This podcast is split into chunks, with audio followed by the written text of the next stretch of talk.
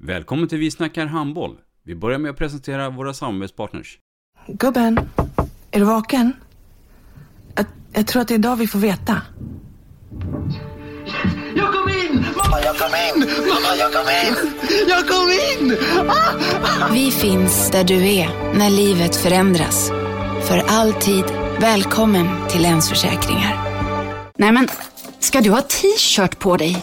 Du, det är ingen vanlig t-shirt. Det är en nya bollar till klubben t-shirt. Och så matchar den grillkryddorna vi ska använda. Hur då? Men det är ju alla ska med på klassresan grillkryddor. Stötta barn och unga. Shoppa på newbodyfamily.com. Länge leve föreningslivet!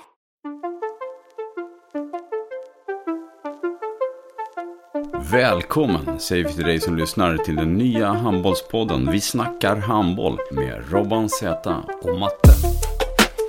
Vi snackar handboll, där du får veta alla sanningar som du inte visste att du missat. Vi snackar handboll.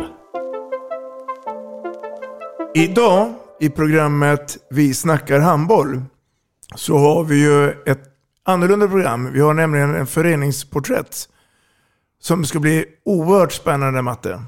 Ja, och då passar vi på att hälsa varmt välkommen till Skövde HFs ordförande Anders Wik. Tack så mycket. Anders Wik, vem är det? Ja, en 48-årig gubbe.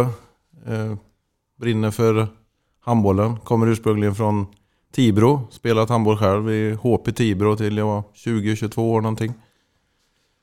Sen var jag borta ett tag och kom tillbaka in i handbollens värld när min dotter började träna. Eller spela handboll. Mm. Övrigt om, om familjesituationen då? Har två barn, två tjejer Mm. eh, och en hustru. Mm. Anki. Och det pratas mycket handboll innanför de här fyra väggarna.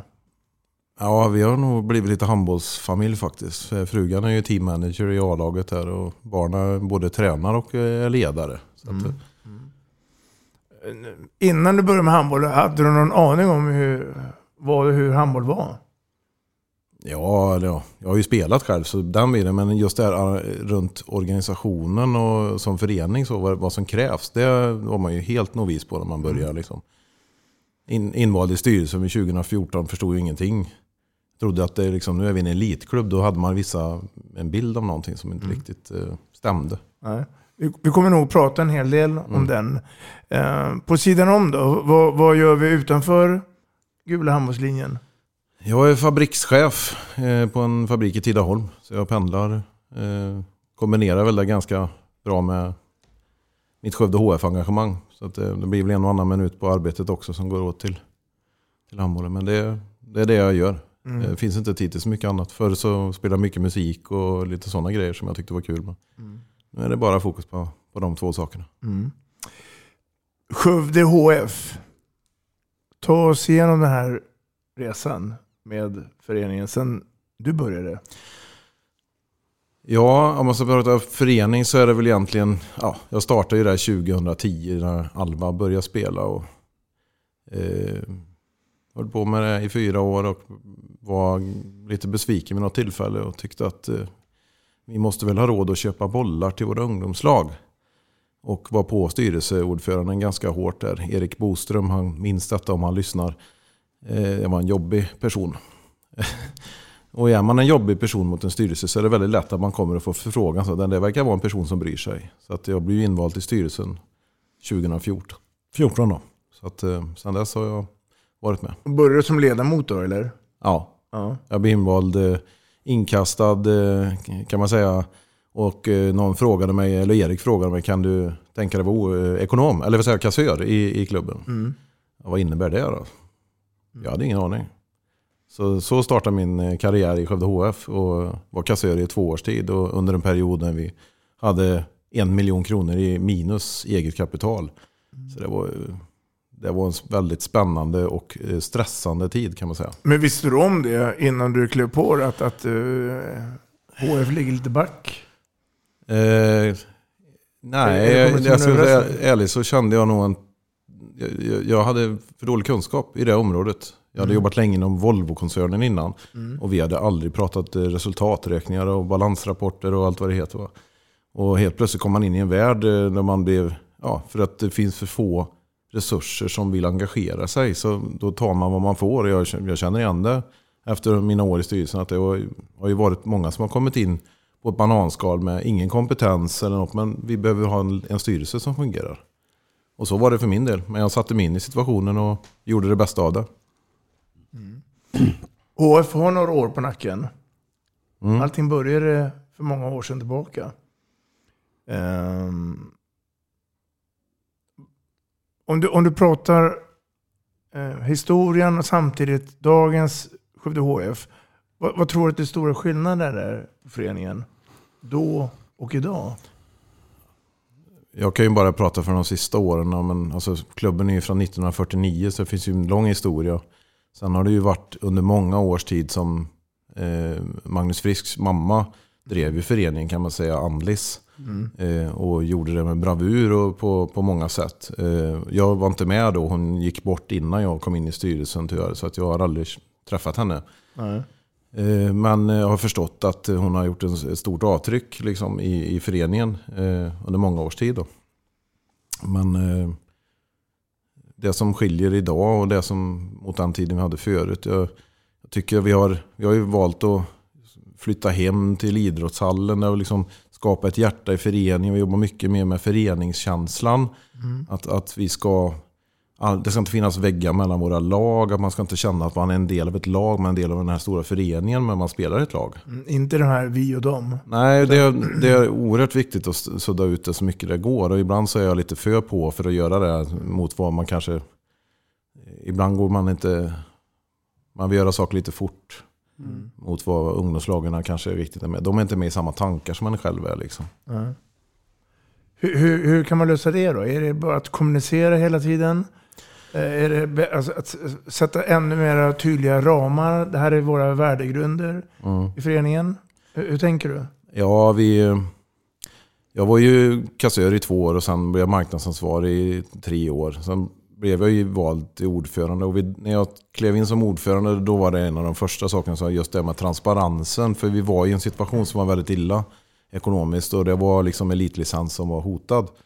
Och det, transparens var det första ordet jag tänkte på. Vi måste våga prata om hur, vi, hur det ser ut och så att alla börjar känna att man är, det här är jag ju med i. Jag betalar ju en medlemsavgift här för, i den här föreningen och måste ju veta vad som händer i den. Eh, Under många års tid innan så jag, kände jag när jag satt i styrelsen med okunskap och oerfarenhet så var det, vi- skyddar det här eh, dåliga resultatet. Försökte, vi ska inte prata för högt om det. Det, det är inte bra att det sipprar ut. Och jag tror snarare det var, det var fel beslut i efterhand. Då, för jag känner att sen har ju vi vänt på allting. Mm. Sen, sen, det hände. När, när du eh, tillträdde år 2014 och idag när du är ordförande 2022, eh, är det helt ny styrelse eller är det några som är kvar än 2014? Nej, ingen är kvar från 2014. Eh, Däremot något år senare, 2014, så start började Sabina Cederkvarn eh, som idag är ungdomsansvarig. Hon har varit in och ut ur föreningen, eller i styrelsen. Och, eh, så hon och jag är väl de som har mest erfarenhet av styrelsearbetet om man säger så. Så man kan säga att du har lagt en ny, ny grundplatta till hur eh, HF ska drivas vidare nu.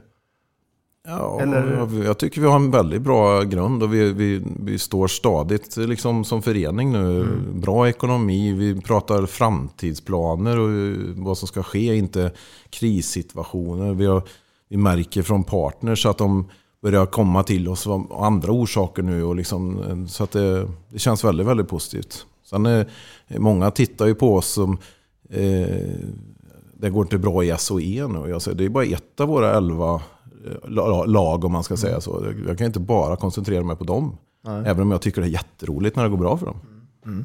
Men, men känner du nu när du eh, har befälet och, att, eh, och utvecklar föreningen att det är viktigt att bygga en organisation? Och var börjar man då? Börjar man inifrån eller börjar man med A-laget? Och värvar hej och hoj och sen så glömmer man resten? Eller? Alltså vi, vi, har- vi, det här hela startade ju 2017 när vi Mm. tog beslut om en vision vad vi ville vara om fem år. Och den turbulensen som sen skedde efter det. Mm. Eh, som skadar föreningen på många, många sätt. Men ändå så var en del av en process att vi ska göra en förändring av den här föreningen. Mm. Eh, och jag känner att eh, det var, det, vi har ju åstadkommit de flesta sakerna där förutom att vi inte sportsligt har tagit klivet upp. Nej. Men vi har satt tydliga krav med 60% egna produkter och så vidare i, i vårt elitlag. Och låtit det ta den tiden det tar. Och vi känner att det, det går ju åt rätt håll. I år har ju, spelar de ju bättre, men det är mycket mer saker vi har eh, fått sköta i föreningen med ekonomin och hela den här biten. Så att värva sig till det. Jag tror inte att det handlar om att... Alltså, det blir inte bättre av att vårt lag går bra. Nej. Det tror jag inte är melodin. Liksom. Men du måste ha en, en, en, En väg du ska gå. Du måste veta vilken väg du ska, vilken riktning du ska som förening. Och idag så jobbar vi väldigt mycket för att förstärka organisationen runt laget. Så, och runt ka- kansli och hela den här biten. Så att vi kan bli starkare och orka med. För att de här ideella själarna, eftersom jag sa, vi har ju bytt styrelsen alldeles för många gånger. Eh,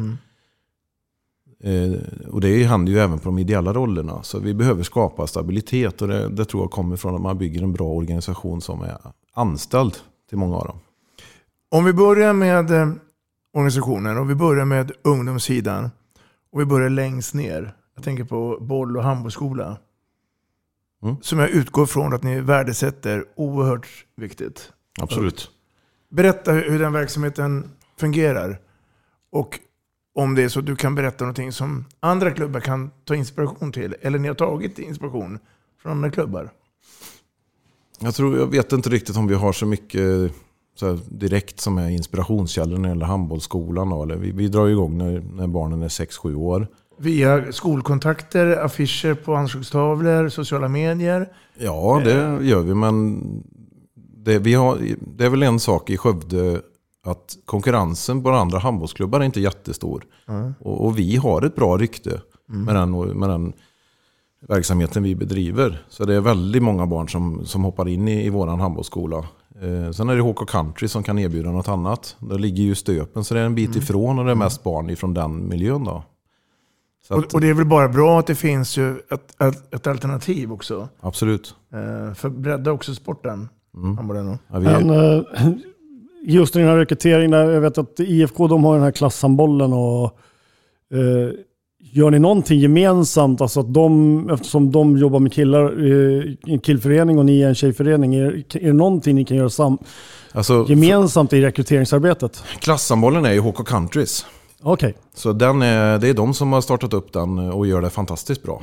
Eh, Så att Skövde HF har ju en väldigt stor rekryteringsbas i form, det märker vi alltid på februari där någonstans när det här är, att då kommer det direkt 10-15 barn efter klasshandbollen som vi börjar handboll. Och då börjar de som bor i stan, de väljer ju Skövde HF av naturliga skäl. Då. Och jag kan tänka att det är likadant i IFK. Så att, eh, samarbetsmässigt så har vi ju mycket vi kan samarbeta med, men vi, vi gör det inte så mycket. Ty, kan man säga tyvärr faktiskt, för det finns ju områden som definitivt vi skulle tjäna på att jobba ihop. Är det där du skulle vilja ha den 25 timmen på dygnet? Att, eh, att eh, alltså, hitta resurser för att kunna ta det steget till? Eh, eller är det en prioriteringssak? Att ni har valt att inte prioritera? Förstår du frågan? Att, att försöka hitta samarbetsområden. Ja, och, och orka med då eh, att ta, ta det klivet så att säga. Jag, jag vet inte, det är någon prioritering. Att vi, vi tänker inte det i första steget. Vi jobbar så mycket med det som är idag. Och hur vi ska bli bättre på så många sätt i vår förening. Eh, vi har en dialog eh, just nu faktiskt med en av klubbarna i stan här. Så att, eh, om, om viss typ av samarbete. Där vi ser att det är bättre att vi har en resurs istället för två halvtid. Så kan vi vara en heltid till exempel.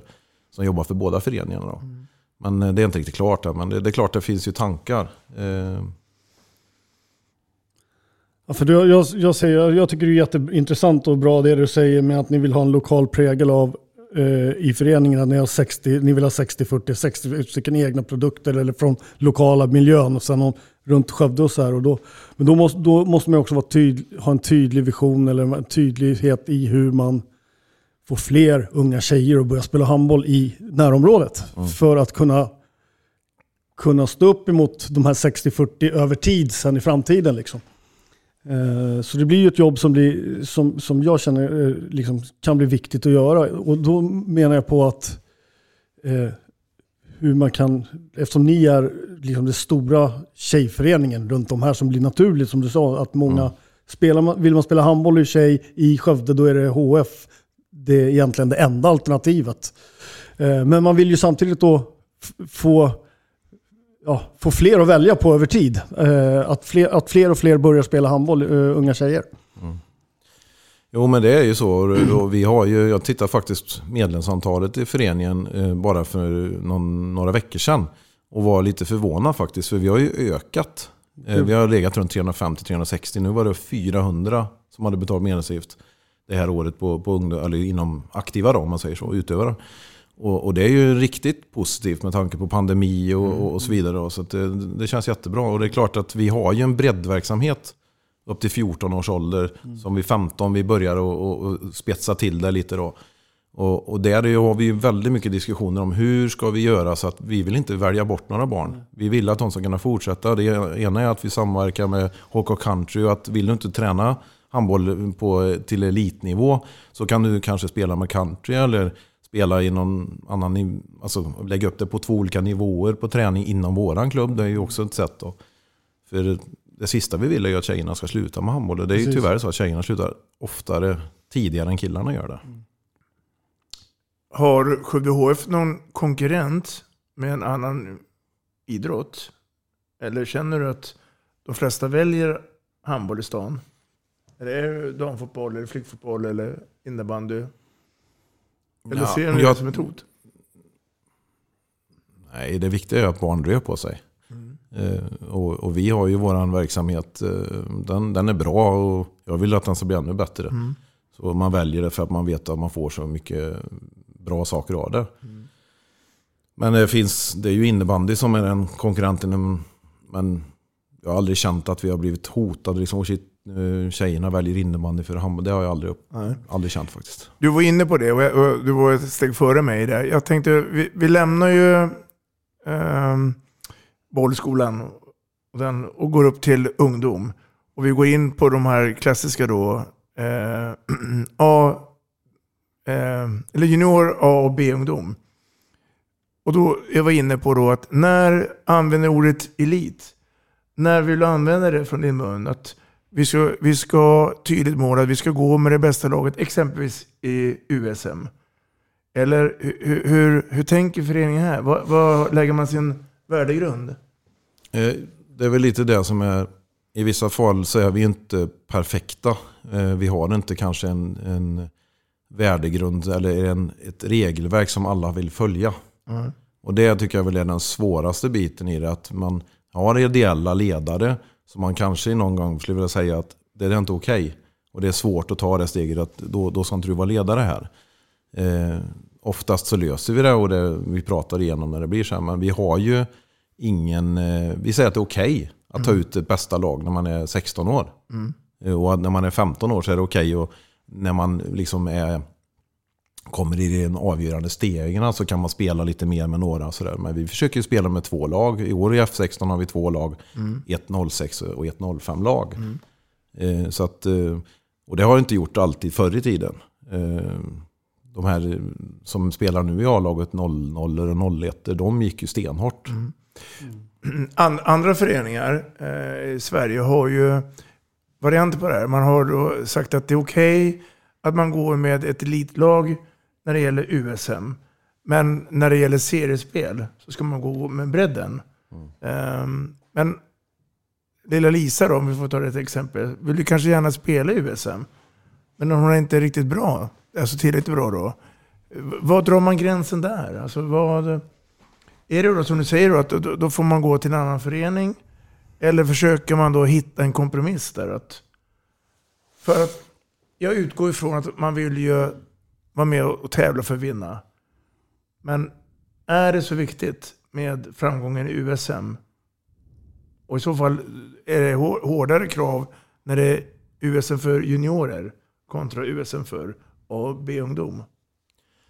Vi, eh, vi har nog säkert människor som har helt olika syn på det här i föreningen. Eh, om jag får prata från mig själv så tror jag att vi inte behöver fokusera så mycket på de segrarna utan vi behöver jobba med att eh, vi ser resultat varje dag i det vi gör. Mm. Och att man kan gå vi går jättebrett i vårt seriespel men vi brukar anmäla oss i olika serienivåer. Så att vi har möjligheten att få att varje spelare får sin utmaning och spela mot motståndare som är bra för den. Nu är regionen betydligt större i och med att de här eh, handbollsregionerna nu bara är fem. Mm. Så nu åker vi ganska långa sträckor eh, för att få spela bra matcher. Det är ju ner till Göteborg redan som 13-åring tror jag. Och det är 15 mil i bil då för att komma ner. Så att, eh, Två gånger 20 minuter. Ja, det, ja. vi, och, och då vill ju då Skövde gärna spela eh, sammandrag med Mm. tre matcher. Med, och man åker ner med tre lag dit då. Eh, från olika klubbar. Men Göteborg är så vana vid att spela bara singelmatcher så de har inte än eh, känt att det är viktigt. Det kommer kanske över tid. Mm. Men, men eh, alltså, det är vi ganska överens nu när vi har ny huvudtränare och som också tagit sportchefsansvar i Daniel Birkelund där. Så vi är ganska överens om att vi ska fokusera om lite på det här. Hur vi ska få fram och etablera fler spelare som har möjlighet att gå längre och inte känna att man blir utputt för att man inte var tillräckligt bra när man var 15 år. Nej. Och då måste vi fokusera på andra saker. Även om att det, man kanske vill vinna i USM. Men allt annat kanske man kan ta mycket mer lugnt på och låta den här bredden fortsätta vid sidan om. Vi pratar om rekrytering av nya spelare i eh, boll och bollskolan. Vi går in på ett annat ämne. Rekrytering av ledare, tränare. Mm. Hur, hur jobbar ni här? Jag tror att um, vi har väl eh, säkert många föreningar där det är lätt att titta på sig själv och man inte alltid känner att man är världsbäst. Eh, och, och, och det är vi inte. Men vi har blivit riktigt mycket bättre på det här. Eh, för vi har ju haft någon person som varit intresserad och, och hålla i det här och leta efter en människa. Och så har vi eh, hittat en vi tycker verkar bra. Men, och det var när vi fick Rasmus efter Magnus till exempel. Så Mm. då, då var det ju liksom en jakt för att hitta någon. För vi visste att det, oavsett vad vi valde då, så skulle det vara ifrågasatt. Då. Eh, Men sen när vi valde Daniel istället så hade vi mycket mera lugn och vi var fler som kunde jobba och vara engagerade. Då hade, då hade vi använt oss till och med av eh, eh, ett företag som hjälpte oss att göra per, personlighetsanalyser på de per- kandidaterna vi hade med. Vi visste precis vad vi ville ha för en typ av ledare som inte var det vi hade då. eh, Och, som, ja, så att, och det känner vi att vi har lyckats perfekt nu. Mm. Men, men det, om det var en eh, lyckoshot eller inte, det vet jag inte. Det, Nej. Men, men eh, du, gick, du gick lite eh, snabbt. Jag, jag var inne på rekrytering av ungdomsledare. Ja. För att där tror jag många föreningar sk- skulle försöka hitta någon form av hjälpmedel. Hur hittar man tränare som brinner för det här? Många säger att ta ner A-lagstränare ner till flickor eh, 06 så blir de bra. Eh, våga ställa krav, alltså våga ersätta. Mm. Ersätter man då tränare för att nå en framgång tror du? Eller ska vi höra det här ordet ideellt år efter år efter år? Vi har ju föräldrar som följer med barnen ända upp, vi försöker vid 16 års ålder. Så vi har, rekrytering av ledare har inte vi haft några svårigheter med alls. Men det är ju för att de följer med hela vägen upp. Mm. Och vi har ju förmånen att det är många som har spelat på hög nivå som bor kvar i Skövde. Och det, är, alltså, det är de som följer sina barn. Då. Och det finns för och nackdelar med det. Mm. Tror du att vi kommer att hamna i ett sånt läge att vi kommer tvingas att ersätta ungdomstränare för att locka dem till den rollen? Och kanske också börja ställa krav? När när du säger ersätta... Alltså ersätta eh, i pengar? Ja, jag vet faktiskt inte om det skulle vara tokigt att göra det.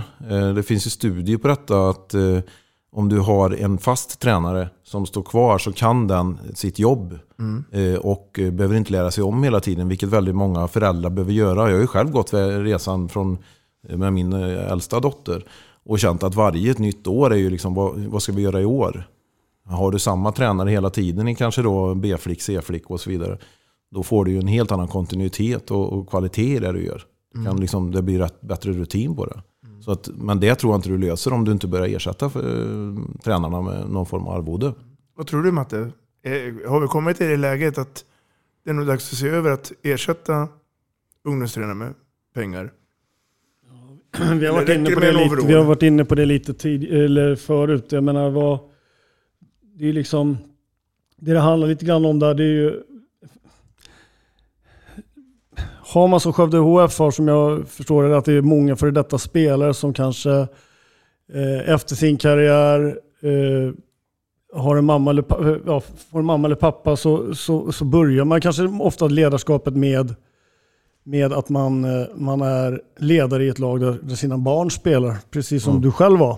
Eh, och då tror jag att det är mer det är mer legitimt i familjen att man kan vara där ut, ja, för att man ändå gynnar sin familj, att man är med i verksamheten där, där familjen är involverad eller integrerad i en verksamhet.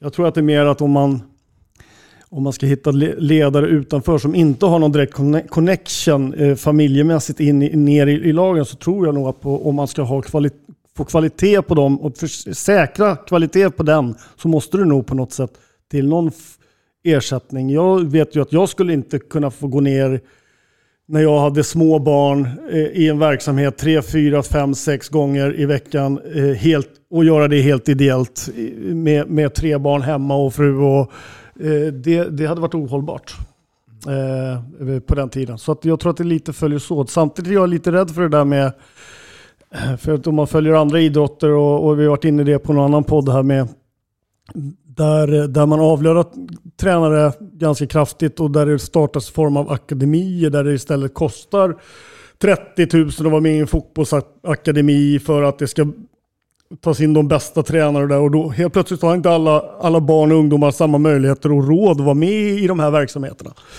Så att det är lite grann eh, sådär, eh, jag tror att det, det är bra att åtminstone under tidiga barn och tidiga ungdoms år, att det finns att det är ganska mycket ideellt ledarskap där. Men sen när man ska då kanske börja kalla det för någon form av elitsatsning på junior eller gymnasienivå eller vad man nu är.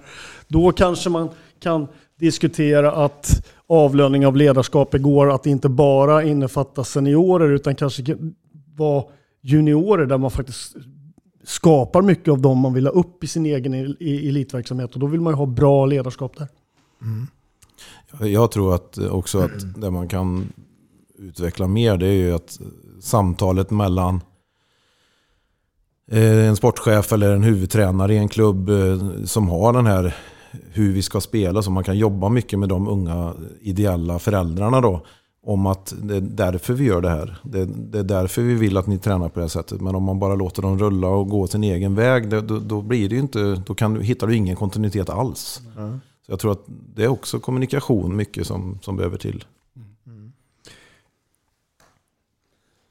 Anders, jag sitter och tittar på er eh, hemsida och går in och tittar på medlemsavgifter. Mm.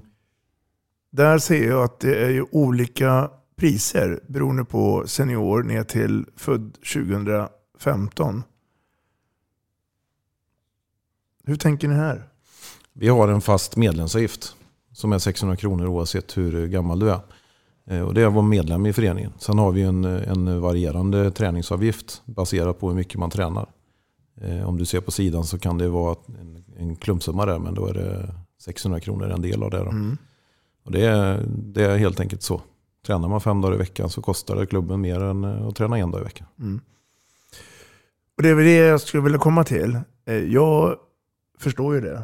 Eh, Frågan är då om alla medlemmar förstår det. Alltså är det här som vi kanske är mindre bra på i föreningar, att vara tydliga med att för att betala medlemsavgiften så ingår det här och att det finns en förlängning också. Alltså då, varför ska jag betala mycket för att betala eh, Lisas eh, A-lagsspel?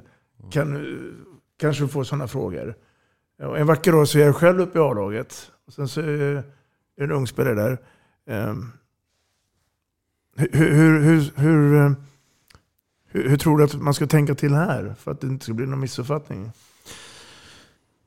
Vi, eh, jag har ju själv gått ut med och varit väldigt tydlig då när vi hade eh, de ekonomiska bekymren i vår förening. Så då har jag ju meddelat eh, via medlemsbrev till alla våra medlemmar och deras föräldrar är det ju de som får mejlen främst om man Mm. säger så. Att när det kommer till vårt A-lag så är det så att ekonomin är inte tillräckligt bra för att ha ett elitlag i Skövde ifall inte en del av de pengarna som alla betalar går till A-laget. För vi får inte det sponsortrycket eh, som damförening i den här stan, tyvärr. Mm. Och det kanske är på grund av eget, att vi själva inte är bra på sponsring, sponsringsjakten.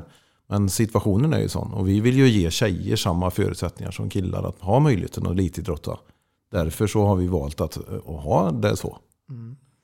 Om du nu inför nästa årsmöte skulle Eh, föreslår en höjning för att exempelvis då försvara att vi vill avlöna våra ungdomstränare. Tror du att du skulle få kalla handen? Eller tror du att men äntligen någon som vågar ta initiativ? Ja, eh, för det första så ser jag det så här att en medlemsavgift är ju en avgift som man har för att vara medlem i en förening. Och det är den som står i våra stadgar att det är den som gäller som medlemmarna med röstar om. Det Mm. andra är en, en kostnadspost som måste följa efter de föreningens kostnader som man har. Mm. Så träningsavgiften är det ju i så fall vi skulle kunna göra som vi vill med. Eh, vi jobbar kraftigt med för att komma till en sån här satsning som vi pratar om här. Eh, liknande, kanske akademi eller liknande, men vi vill inte lägga det på medlemmarna. Skulle vi lägga det på medlemmarna så är det för att vi också ska tillföra en kvalitetshöjning av någonting. Mm. Så man också får något tillbaka för den pengen man betalar. Det är alltså inte att stoppa in pengar att vi ska vinna SOE nästa år. Nej. Men kanske om tio år för att vi vill utveckla oss. Du var inne på lite grann det här med eh, att, att ekonomin ser stabilare ut idag. Vad, vad, om du vill och kan berätta, vad, vad omsätter idag Skövde HF? Ja, jag kan berätta allting för att det är helt officiellt eftersom Ja. vi gick ut med det i SOE förra veckan. Så det är, vi omsätter ju 7,3 miljoner kronor. Och i Mm. de siffrorna så har vi även våra ungdomslagskassor. Så att eh, de är lite högre än vad de egentligen ska vara. Eh, Det är inte alla föreningar som redovisar det på samma sätt. Eh, Vi gjorde fint resultat på 1,6 miljoner i plus. Mm. Om vi pratar sponsorintäkter, vad, har vi, Eh, vad en- ligger det på? en- 1,8 miljoner. Mm. Är det för lågt? Eller Ja. går, det, går det öka det tror du? Det, det hoppas jag verkligen.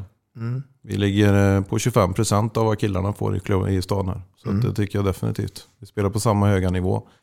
Och eh, på seniorsammanhang så pratar man någon form av ersättning i kontraktet. Mm. Eh, lig- ligger Skövde normalnivå om du jämför med de andra SHE-lagen? Eller ligger ni högst upp? Nej, vi ligger nog ganska normalt. Ja. Den översynen har vi gjort SOE, men eh, siffrorna är hemliga. Mm. Eh, Så vi vet ganska, inte på detalj, men vi vet i stort hur snittlöner och sånt ser ut i alla föreningar egentligen. Så. Ja, inte Men, i alla föreningar, men i, i SOE som SOE, helhet. ja. Och då kan vi jämföra med den siffran mot var vi själva befinner oss.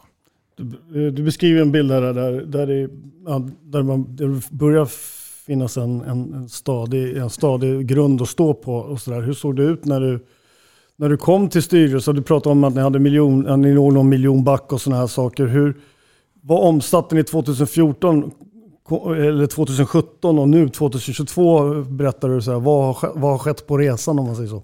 Ja, men det är en omsättningsökning på en och en halv miljon har vi gjort ungefär. Mm. Och, så, så att, eh, och sen fick vi tog ju tag i det extremt hårt under ett år. Och det fick ju hela föreningen vara med och kämpa för när vi skulle ta ikapp då. Den här, då var det 775 000 vi tog ikapp.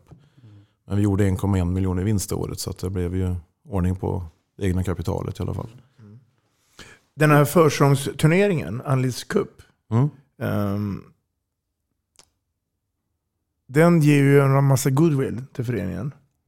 Ger den också ett bra tillskott i kassan också?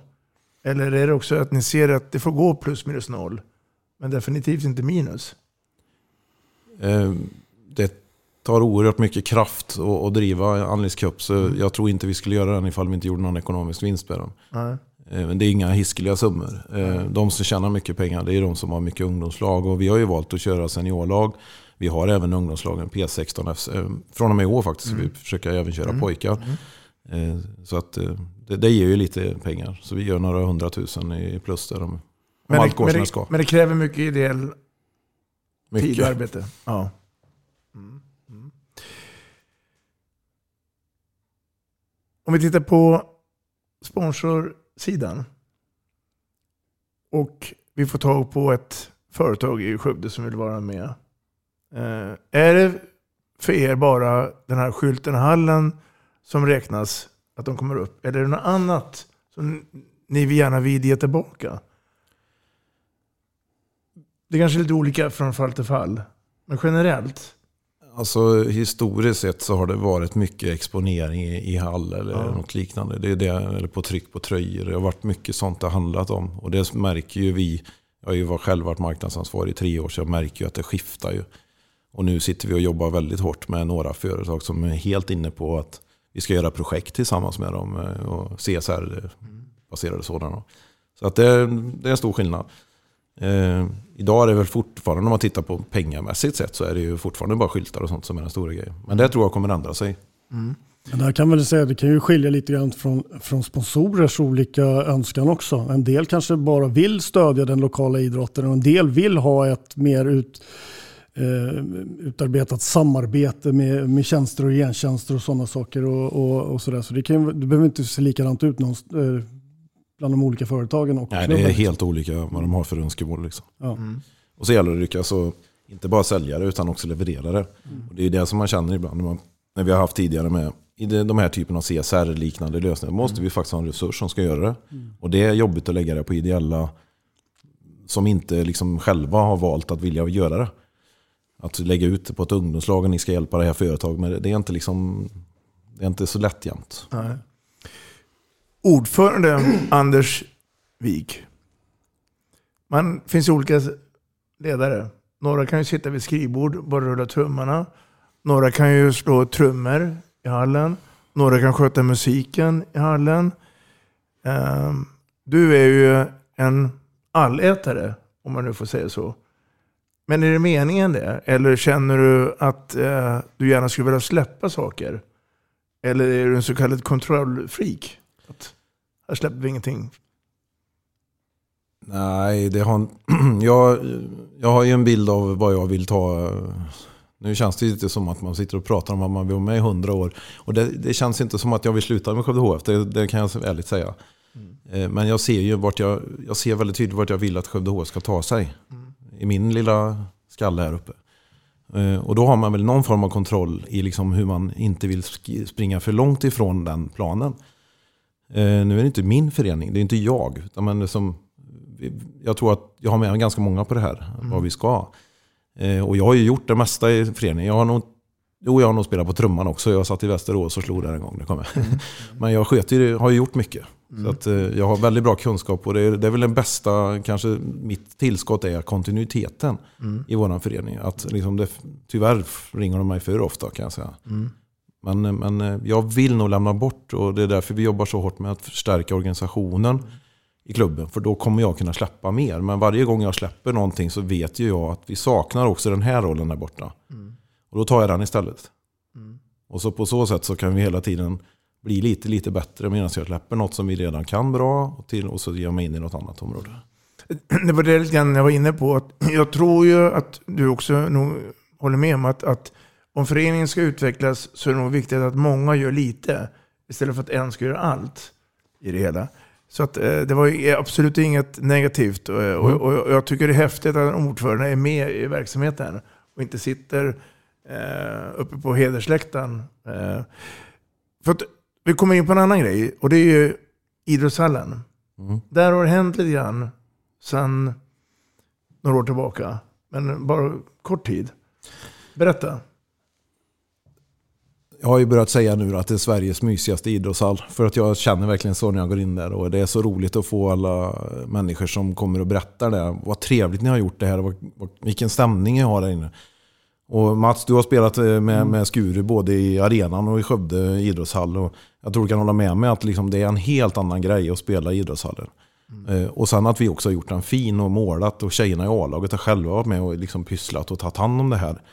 Hela föreningen har varit med. Är Enastående. Alltså. Jag önskar alla föreningar fick ha ett eget litet krypin och ta hand om på det sättet. Det skapar också... En, en sådant projekt skapar ju gemenskap i Ja, hela det föreningen. Precis. Det håller jag definitivt med. Och sen så tror jag liksom utifrån eh, SOE och vad Skövde HF är idag så är ju arenan för stor. Och då blir inte det någon, det blir inget bra, det blir inget liksom blir inget bra arrangemang när, när man inte fyller, fyller arenan tillräckligt mycket. Utan då är det bättre att göra ett mindre koncept på en mindre arena som ändå är en väldigt, väldigt fin hemmabana. Den har inte alla förutsättningar och det är lite jobbigt för motståndarna som inte är vana med sargen precis bredvid och allt det här. Jag förstår och det, det är väl våran positiva grej för vårat lag då. Att man är van där. Men, eh, Likaväl som ni har också nackdelen när ni är på bortaplan. Så det, Ja, det, ja. där, det där tror jag är bullshit. Det där jämnar Mm. ut sig. Om vi skulle nu ha en match ikväll. denna torsdag som vi spelar in här. Hur mycket funktionärer använd, det används? det är ungefär ett 20-tal Mm. totalt som sköter kiosken och Lotteriförsäljning, Ja. entréer. Ja, Kanske 25 då till och med. När man pratar med alla ungdomar som hjälper till och Ja. ställer upp på olika saker där också. Hur har du fått fram dem? Ja, I några fall när det kommer till lotterier och sånt så har vi bestämt år. Alltså, det har vi ju bestämt. Att den här årgången ska hjälpa till med detta till exempel. Det är som ett rullande schema. Ja, som de man ärver liksom. Mm. åldrar. Men sen har vi ju en fantastiskt god grupp som vi kallar Doers Club. Som är ett gäng pensionärer som eh, kommer och börjar vara med när vi börjar fi- göra idrottshallen finare. Som idag blivit de som lägger alla golvdekaler och sånt där. Och vi har ju förmånen att vi inte tar ner våra skyltar och sånt på efter matchen utan de hänger ju kvar. Så det, det här jobbet är ju bo- borta nu då. Men nu får de lägga skyltar och sånt istället då. Eller golvdekaler. Mm, mm. Nej, och sen är det, det har kommit av så att den, det som hände 2019. Eh, Alice Cup 2019 när vi tog in eh, så Bukarest kom dit och Skuren var där och spelade och Sävehof var där. Det var en fantastisk uppställning. Där fick ju alla liksom, wow vilken grej vi har gjort här. Och så, liksom att vi också hade målat och hållit på. Liksom det, det var den starten vi behövde. Ja, den var riktigt häftig den årgången och framförallt så kände jag som, som kom från en svensk klubb att, att man på en försäsongsturnering kunde få ja, möta internationella, få in- internationell eh, erfarenhet och möta lag från andra delar av Europa.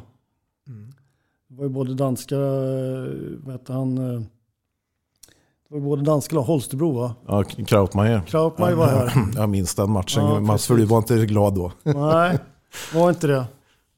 Jag, var, jag tror vi förlorade med ett mål Ja, i vi ägde sista hela sekunden. matchen och sen eh, när slutsignalen då hade vi förlorat. Och vi ville ju så gärna möta Bukarest i en final där. Mm. Vi, slapp, vi fick ju inte det då, men eh, nej, det var, det var lite surt. Ni har ju ett kansli, Mm. bemannat. hur, hur ser en vecka ut på kansliet? Ja, det är en bra fråga eftersom jag jobbar ju inte där själv. Eh, men, eh, nej, men vi har ju än så länge eh, anställd, eh, halvtidsanställd eh, person där, Helen.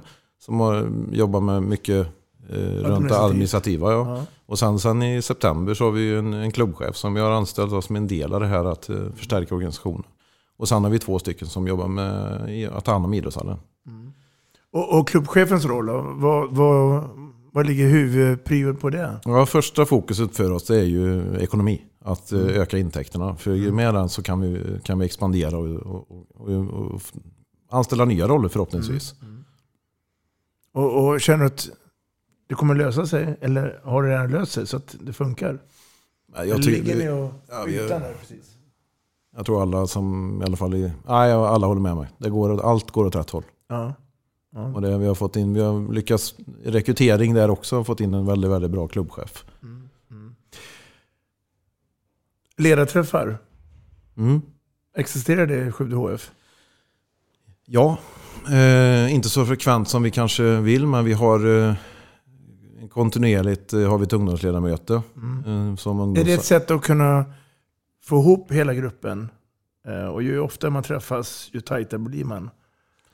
Ja, jag tror att det är det. Men man måste också tillföra eh, någonting som gör att det känns intressant att vara där. Och Ja. att man liksom, och vi hade en ledarkickoff här i, i somras eh, där de var ute och hade roligt tillsammans. Och Daniel var där och presenterade och pratade handboll så som han såg på det.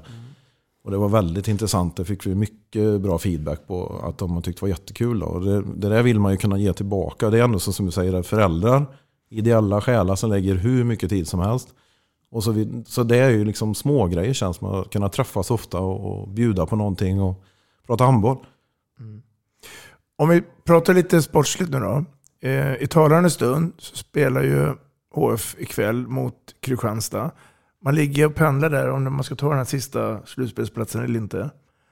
Ehm, vare sig det dina personliga eller föreningens målsättningar de närmaste tiden här med damlaget.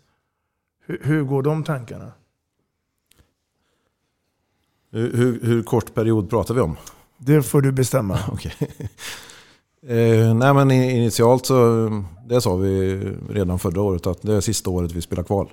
Mm. Eh, och tyvärr är det ju så att man kan hamna i ingenmansland så då spelar man inte kval. Nej.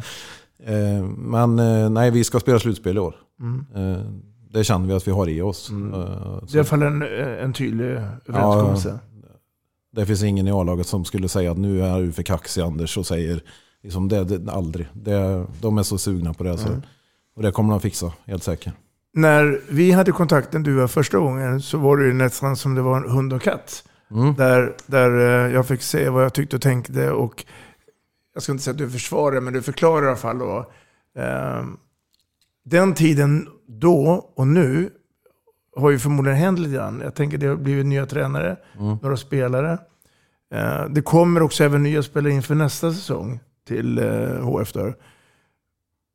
Men konsten är också då att hålla den här höga kontinuiteten. Hur, hur gör man det bäst?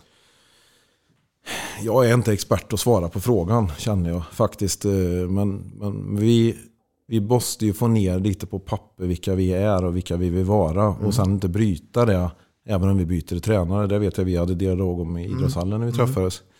Och allt är inte på plats. Vi tar stora steg och eh, jag tror alla föreningar som inte är jättestora och har en massa anställda. De, det, det, är många som inte har det på plats. Jag är ganska Nej. säker på. Eh, Och det kommer komma kontinuerligt eh, i det här arbetet vi håller på med just nu. Mm. Om du får drömma lite grann här då. Hur, eh, vad har vi Skövde de närmaste åren, HF? Eh, som lag då? Ja, och som förening. Ja, jag tror definitivt att vi kommer eh, växa. Eh, vi kommer bli... eh, Till antal medlemmar? Ja, medlemskap kommer kunna öka också. Men där finns det vissa begränsningar tror jag. Eh, eh, Men främst ekonomiskt och organisatoriskt. Det är vårt mål och jag har själv uttalat ett eh, inofficiellt mål att vi ska dubbla vår omsättning på fem år. Mm. Och med det kunna vara en av de starkaste föreningarna i, Sverige. Eh, på dam, I och med att vi är ju bara damer också så blir det väldigt mycket pengar för att bara vara en damförening. Sportsligt sett så ganska övertygad om att eh, vi kommer kliva uppåt i tabellen. Eh, vi har lite svårt att rekrytera utifrån. Vi har inte hamnat eh, långt upp i tabellen och det gör att vi inte är det första valet som många spelare har. Men det tror jag kommer ändras över tid. Är det det som, är det det som tror du kommer avgöra? Eller är det ännu viktigare att man kanske har en högskola eller gott om arbetstillfällen? Det bidrar. Men vi har ju en högskola i Skövde. Ja. Problemet är att man har ju också ett intresse av att bo i en storstad i en, i en del fall. Mm. Vilket gör, vi har ju någon spelare som har kommit till oss, som någon från Köpenhamn till exempel, som valde att flytta tillbaka för de trivdes inte i den lilla staden. Ja. Medan någon annan kommer och trivs eh, som Nicoline Lundgren till exempel, som är hos oss nu och trivs ju hur som handen i handsken i Skövde. Mm. Även om hon har valt att, att lämna för ännu tuffare utmaning Mm. i sitt liv. Då. Så att, eh, ja, nej, jag- det, det kommer bli bättre över tid. Mm. Vad får du för intryck? Nu när vi suttit Nej, men det känns ju som att de utifrån det man har fått berättat för sig att de är på rätt väg på många sätt och vis. Eh, och jag tror väl också att, de in, att Skövde HF inte kommer eh, på ett antal år att hamna på något kval neråt eh, i SOH. Eh, utan jag tror att de kommer ta marknadsandelar uppåt i tabellen. Dock tror jag inte att det kommer räcka till slutspel i år. Men kanske redan till nästa år. Det är min, mitt helt eh, ja, neutrala tips. Eh, och, eh, men jag tror att de är på rätt väg i alla fall med det, med det som de har eh, startat upp just nu. Ja, det är ju, vi får väl betta på det sen Mats. Ja, det är rätt det. Hörru du, ehm, om vi nu inte eh, Skövde HF vinner SM-guld, vilka gör det då? Sävehof. Och det grundar du på? Nej, jag tror att de är starkast när det, när det gäller faktiskt. Det kan vi betta på. Ja, det är konstigt. Jag kommer, undrar varför Mats. Nej, jag tror nog att du, eh, de får i alla fall vara favoriter, det tror jag nog.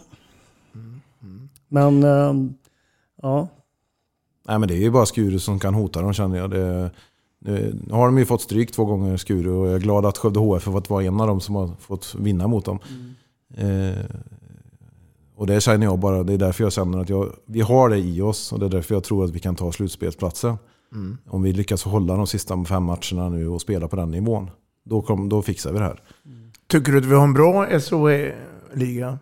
Eller? I, I år är den ju fantastiskt rolig för att nu är det ju det är spännande i varenda match. Man vet ju inte, det är så många lag som ligger på ungefär samma poäng i mellanskiktet där. Så har det inte riktigt varit förut. Nej. Och att Lugi hämtar hem eh, Bella Guld- Bella Guldén. Kommer Skövde få flera handbollsutövare bara för att hon kommer till Sverige? Och kan så fall Skövde få rekrytering utifrån som kan locka ännu flera? Ja, det är klart att det, vi ska ju ha flera spelare av Bella och Jaminas kaliber i Sverige. Det är ju fantastiskt bra för ligan. Mm. Att att liksom kunna erbjuda det. Och den hemmamatchen mot Lugi nästa år. Bella Guldén kommer till Skövde. Det är klart att det, är, det kommer ju några och tittar då. Det är jag ganska säker på. Vi får se om man ska försöka få den till Alice Cup kanske. Anders Wik, tiden har kommit ikapp oss. Eh, Stort tack för att du tog dig hit till Vi snackar handboll. Tack för att jag fick vara med. ja. Och lycka till i fortsättningen av resan. Tackar, tackar. Vi snackar handboll. Ja du Matte, vi har ju då träffat och hört ordförande Anders Wik. Eh, Det är tufft att vara ordförande i en ideell förening. Men han hade ändå en del tankar som i alla fall slår på mig. Jag tänker bland annat på den här biten med eh, barn och handbollsskolan. Och eh, målsättningen att växa. Ja, det tycker jag också var intressant. Eh, och hur han eh, försöker få föreningen att jobba åt samma håll och bli en förening för alla och inte bara en förening med massa olika lag som är klubbar i klubben utan eh, att få alla jobba tillsammans till exempel med att tillsammans i föreningen måla om och göra hallen till sin egen borg. Eh, En mötesplats. En mötesplats. Så nej, mycket intressant eh, samtal. Jag håller med dig.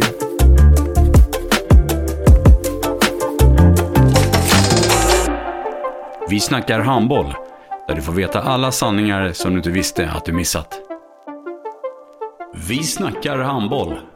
Vi snackar handboll produceras av produktionsbolaget High On Experience, från vision till passion. Ett avslutande tack till våra samarbetspartners. Hallå! Kommer ni eller? Ja, ja. Har du sett mina ankelsockar? De här? Nej, nej, jag menar skridskoslip till juniorlaget Ankelsockarna. Ja, men kolla bredvid träningsläger med handbollstjejerna-t-shirtarna. Stötta barn och unga. Shoppa på newbodyfamily.com. Länge! Gubben, är du vaken? Jag, jag tror att det är idag vi får veta. Jag kom in! Mamma, jag kom in! Mamma, jag kom in!